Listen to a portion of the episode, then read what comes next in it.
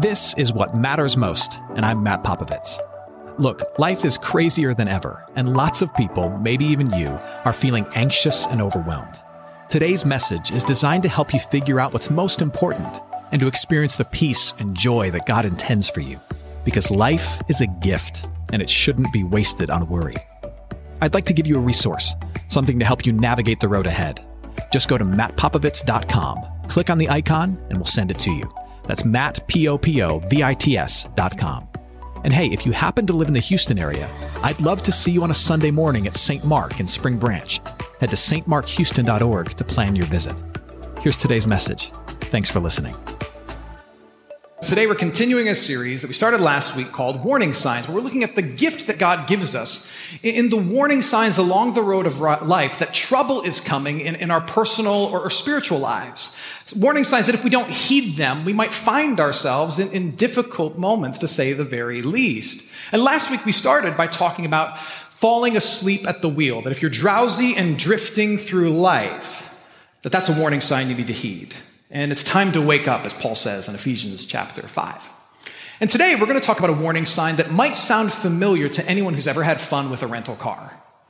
The warning sign is this it's the urge, the impulse, the desire to be reckless. It's the urge, the itch, the impulse, the desire to maybe go off road in life a little bit, so to speak. Or to perhaps speak more, more clearly uh, and theologically, it is this this apathy or even an animosity that we feel at times towards biblical morality. This impulse we have to say, you know what, I know what God says is right, but I kind of want to try something else. That's the warning sign we're going to look at today. Now, in order to have this conversation, we have to, we have to begin here. Where we have to begin is this understanding that, that God has a road for each one of us to walk or to, or to drive down, so to speak. He has this, this will for humanity. And this will that God has for us uh, to live out and this road he wants us to walk according to is, is called in the scriptures his law. It's God's intention for his creation, in particular, those who belong to his family of faith. And much of this law we, we already instinctively know. The Bible likes to say that a lot of it is inscribed already on our hearts from the moment that we're born. There are some things that we just kind of know are wrong, and that's part of the road that we're supposed to walk. But then there are some things that we can't know apart from God revealing them to us, and that's where His scripture comes in. In his word, he reveals certain things to us in detail about what his will is for our lives. Think the Ten Commandments or Jesus' Sermon on the Mount and a whole bunch of other things. And these things taken together, the things we instinctively know and the things that are divinely revealed, they come together to form what people of faith call the law, God's will for our lives. The right and good road, so to speak where we know that if we love these things that God has revealed and the things that He's told us, that we'll be walking toward Him and with Him. Now, the reason God gives us this road is, not, is not just because He wants to be entertained by us trying to walk it. Uh, there's actually three reasons God gives us this, this road to walk in life of, of right and good things. Uh, the first is because when we walk this road, it gives Him glory.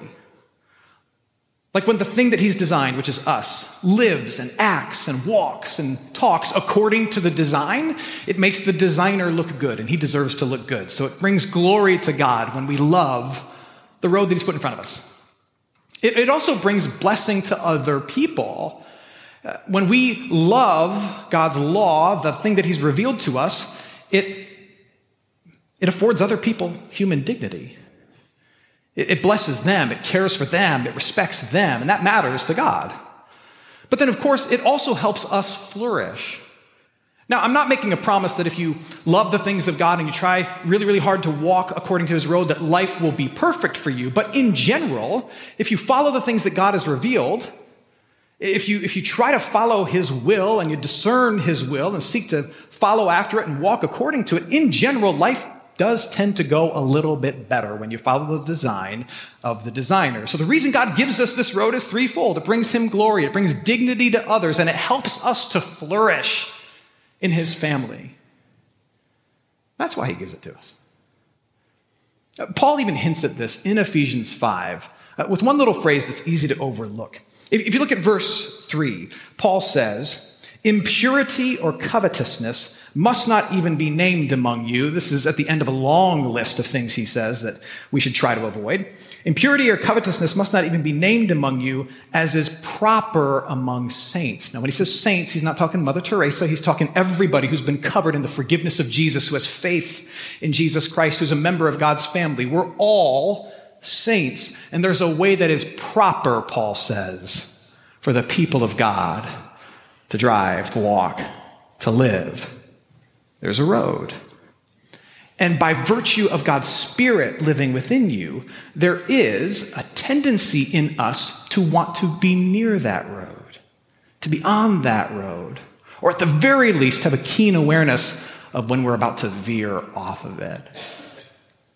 Now, all that said, the reason we have to have this discussion, and the reason Paul has to put this in his book, is because every so often in the lives of the ancient followers of Jesus and in the lives of the modern followers of Jesus, every so often this lie creeps in. And this lie takes on a ton of different forms. It sounds um, uh, a lot of different ways, but it ultimately boils down to this one thing. This lie comes in that says, maybe it doesn't matter if you veer off course.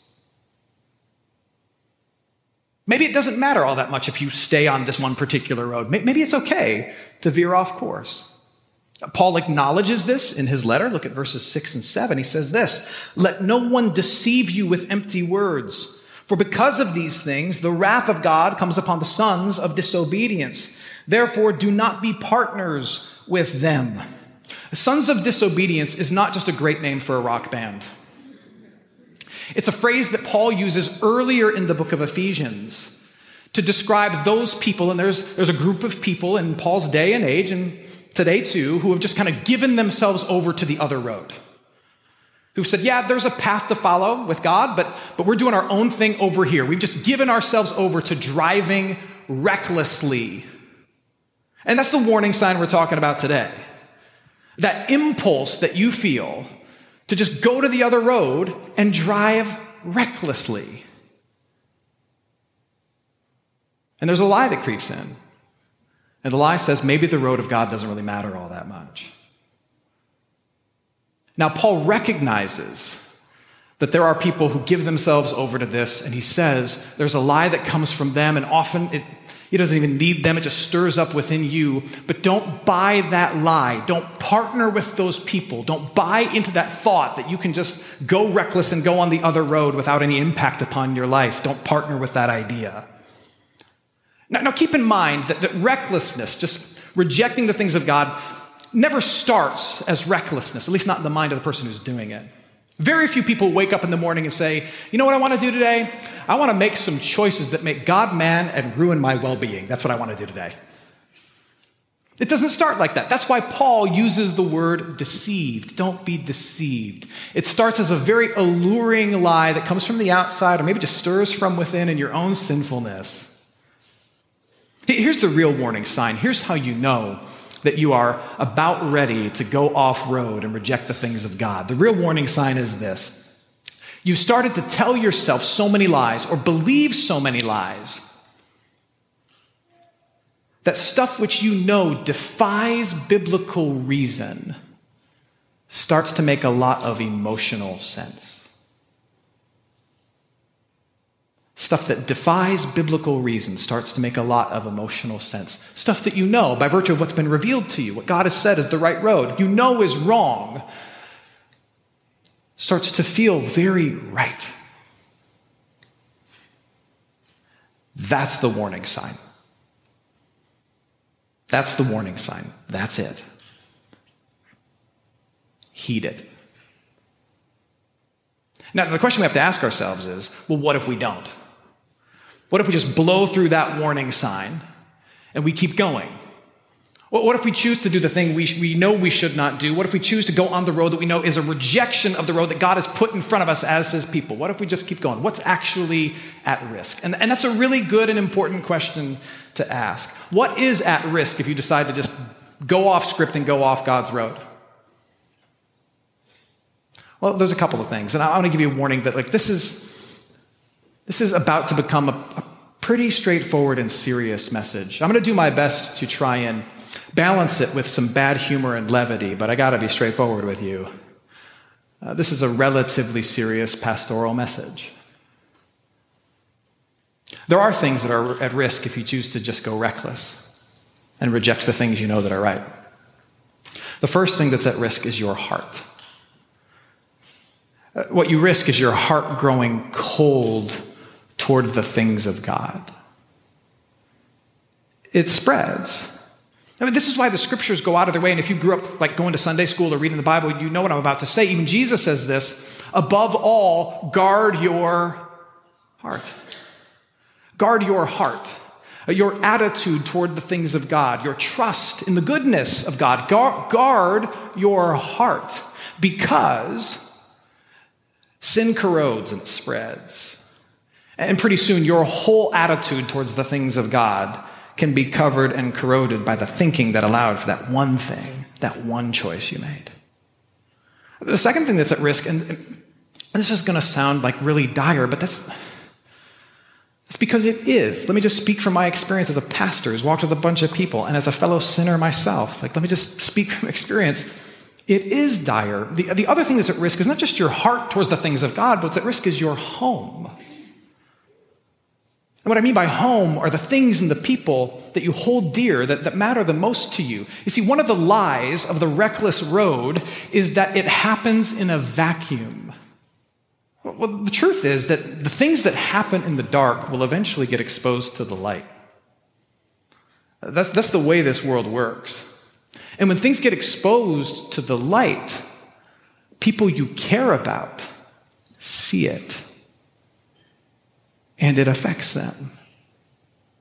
Now, if you think that's harsh, those aren't my words, they're Jesus' words. They're words that Jesus gave to disciples, warning them about hypocrisy, which is a big part of what we're talking about. Like, you know the right thing, you profess the right thing, but you're like, I'm going to do the wrong thing.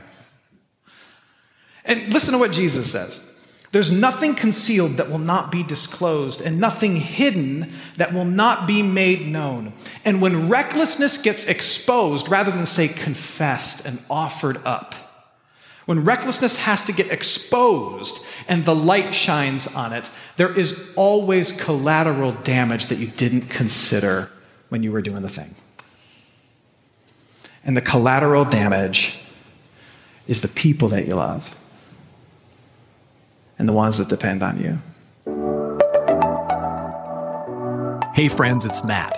If you're listening to us in Houston, and you're looking for an excellent education in a Christian setting for your student, I'm inviting you to take a tour of St. Mark Lutheran School in Spring Branch. We serve infants through eighth grade with an excellent faculty, brand new facilities, and a faith forward curriculum. To schedule your tour, head to gostmark.org. That's G O S T M A R K dot org to schedule your tour today. St. Mark Lutheran School. It's excellent education for your son, your daughter, your little one. Now, back to today's message.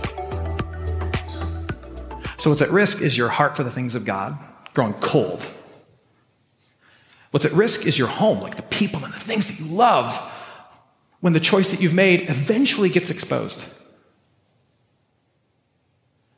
And the third thing is, and again, you're going to think I'm being like way too serious about this, but you just have to trust me that it is actually this serious. The third thing that's at risk is your hope. And what I mean by your hope is your, your relationship with God. That's the third thing that's at risk. You know, once your heart becomes hard and you, and you are set on doing some dumb driving and you embrace things that you know go against God's will, what, what is risked is your salvation itself.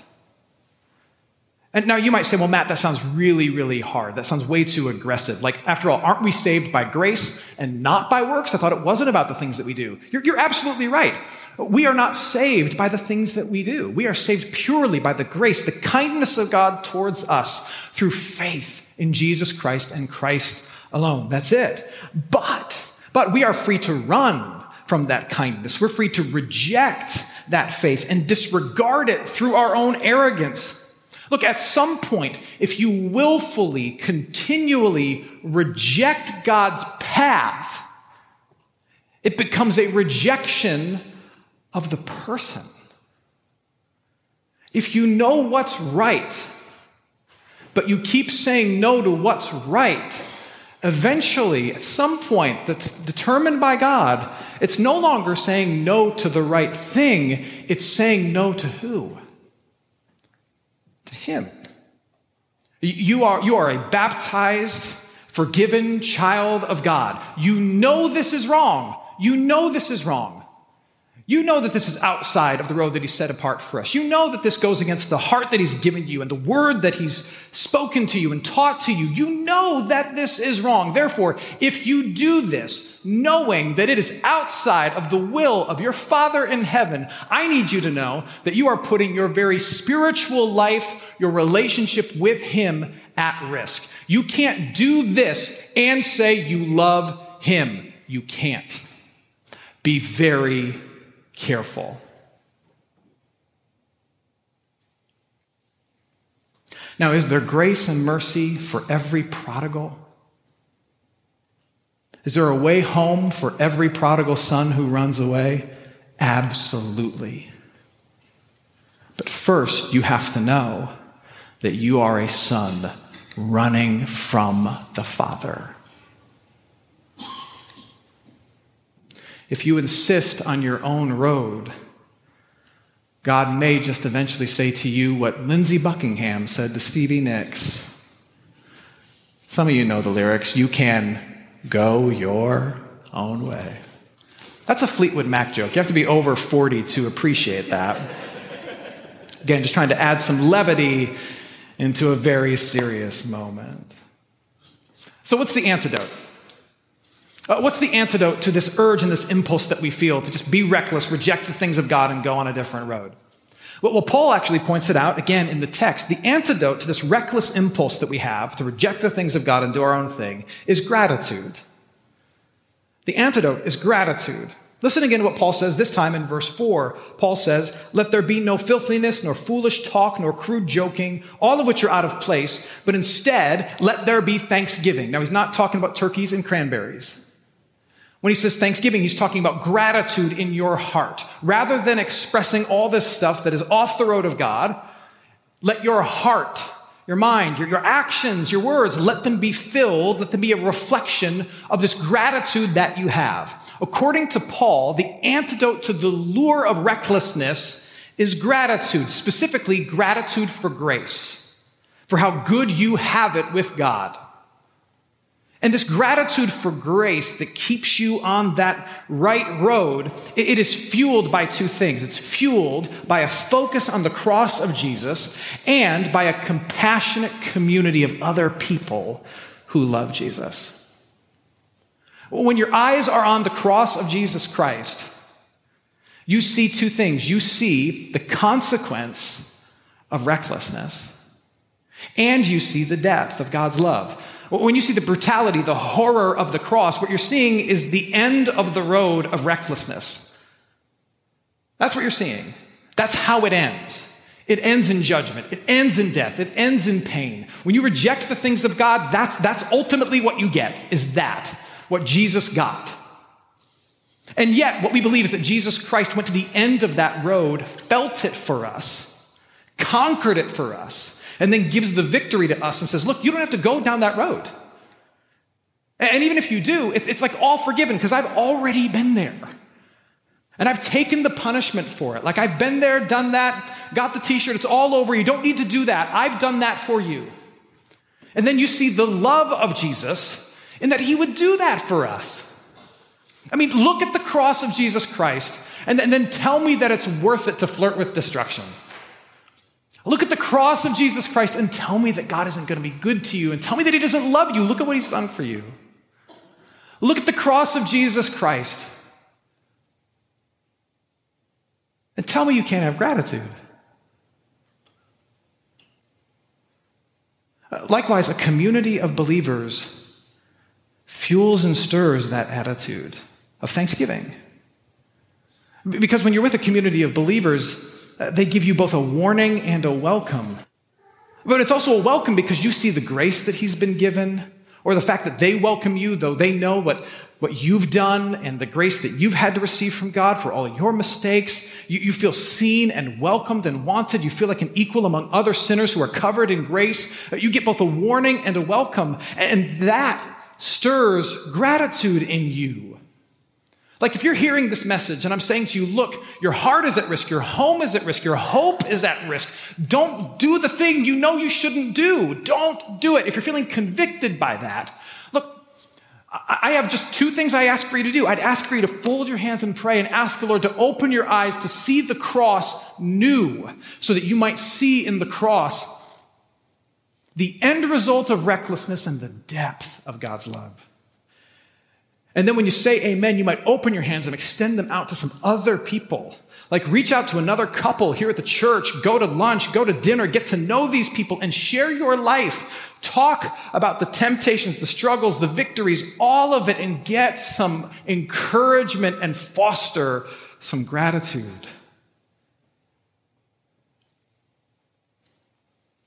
When someone has driven their life into a ditch of their own choosing, I guarantee you that they've been far from at least two things for a long time. Their eyes have been off the cross of Jesus Christ and they've pulled themselves from a compassionate Christian community.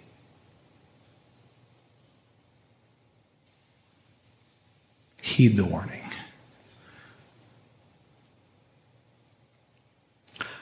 I want to close with this. I want to, I'm going to talk to the person who's here this morning, and I know you're here, or who's watching with us online right now, who hears all of this, and their first thought is, well, too late.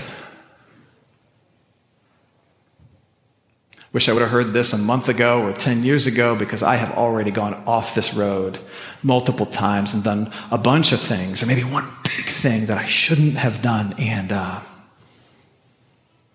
too late for me. Like you feel like your heart is already cold, your home is already a mess, and your hope's probably gone. You're thinking, Matt, I'm the I'm the used rental car that you were warned of. Nobody wants me. Well, what I'm going to say to you is going to sound trite, but, but I need you to actually hear it and know, know, that, know that it's true. Jesus wants you.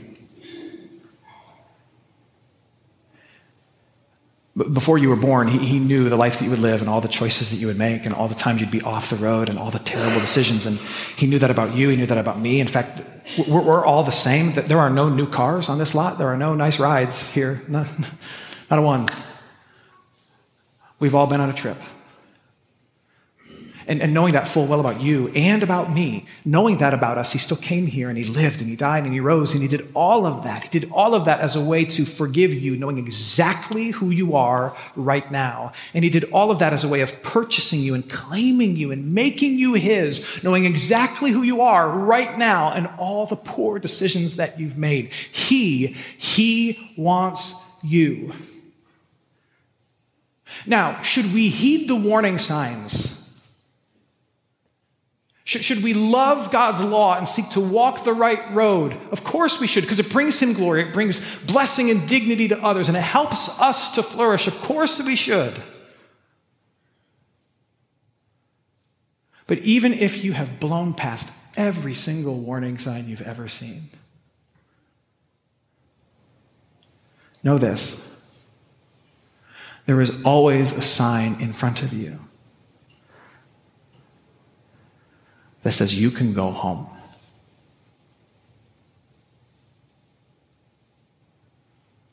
Let's pray. Hey, it's Matt. I hope you enjoyed what matters most. Here's what I need you to know life is a gift, and it shouldn't be wasted on worry. I want to help you figure out what's most important and to experience the peace and joy that God intends for you. So, for more content, you can head to mattpopovits.com. That's Matt, P O P O V I T S.com. There, you can also support this ministry as well as access your free resource, a little something to help you navigate the road ahead. I'd also love to see you on a Sunday morning.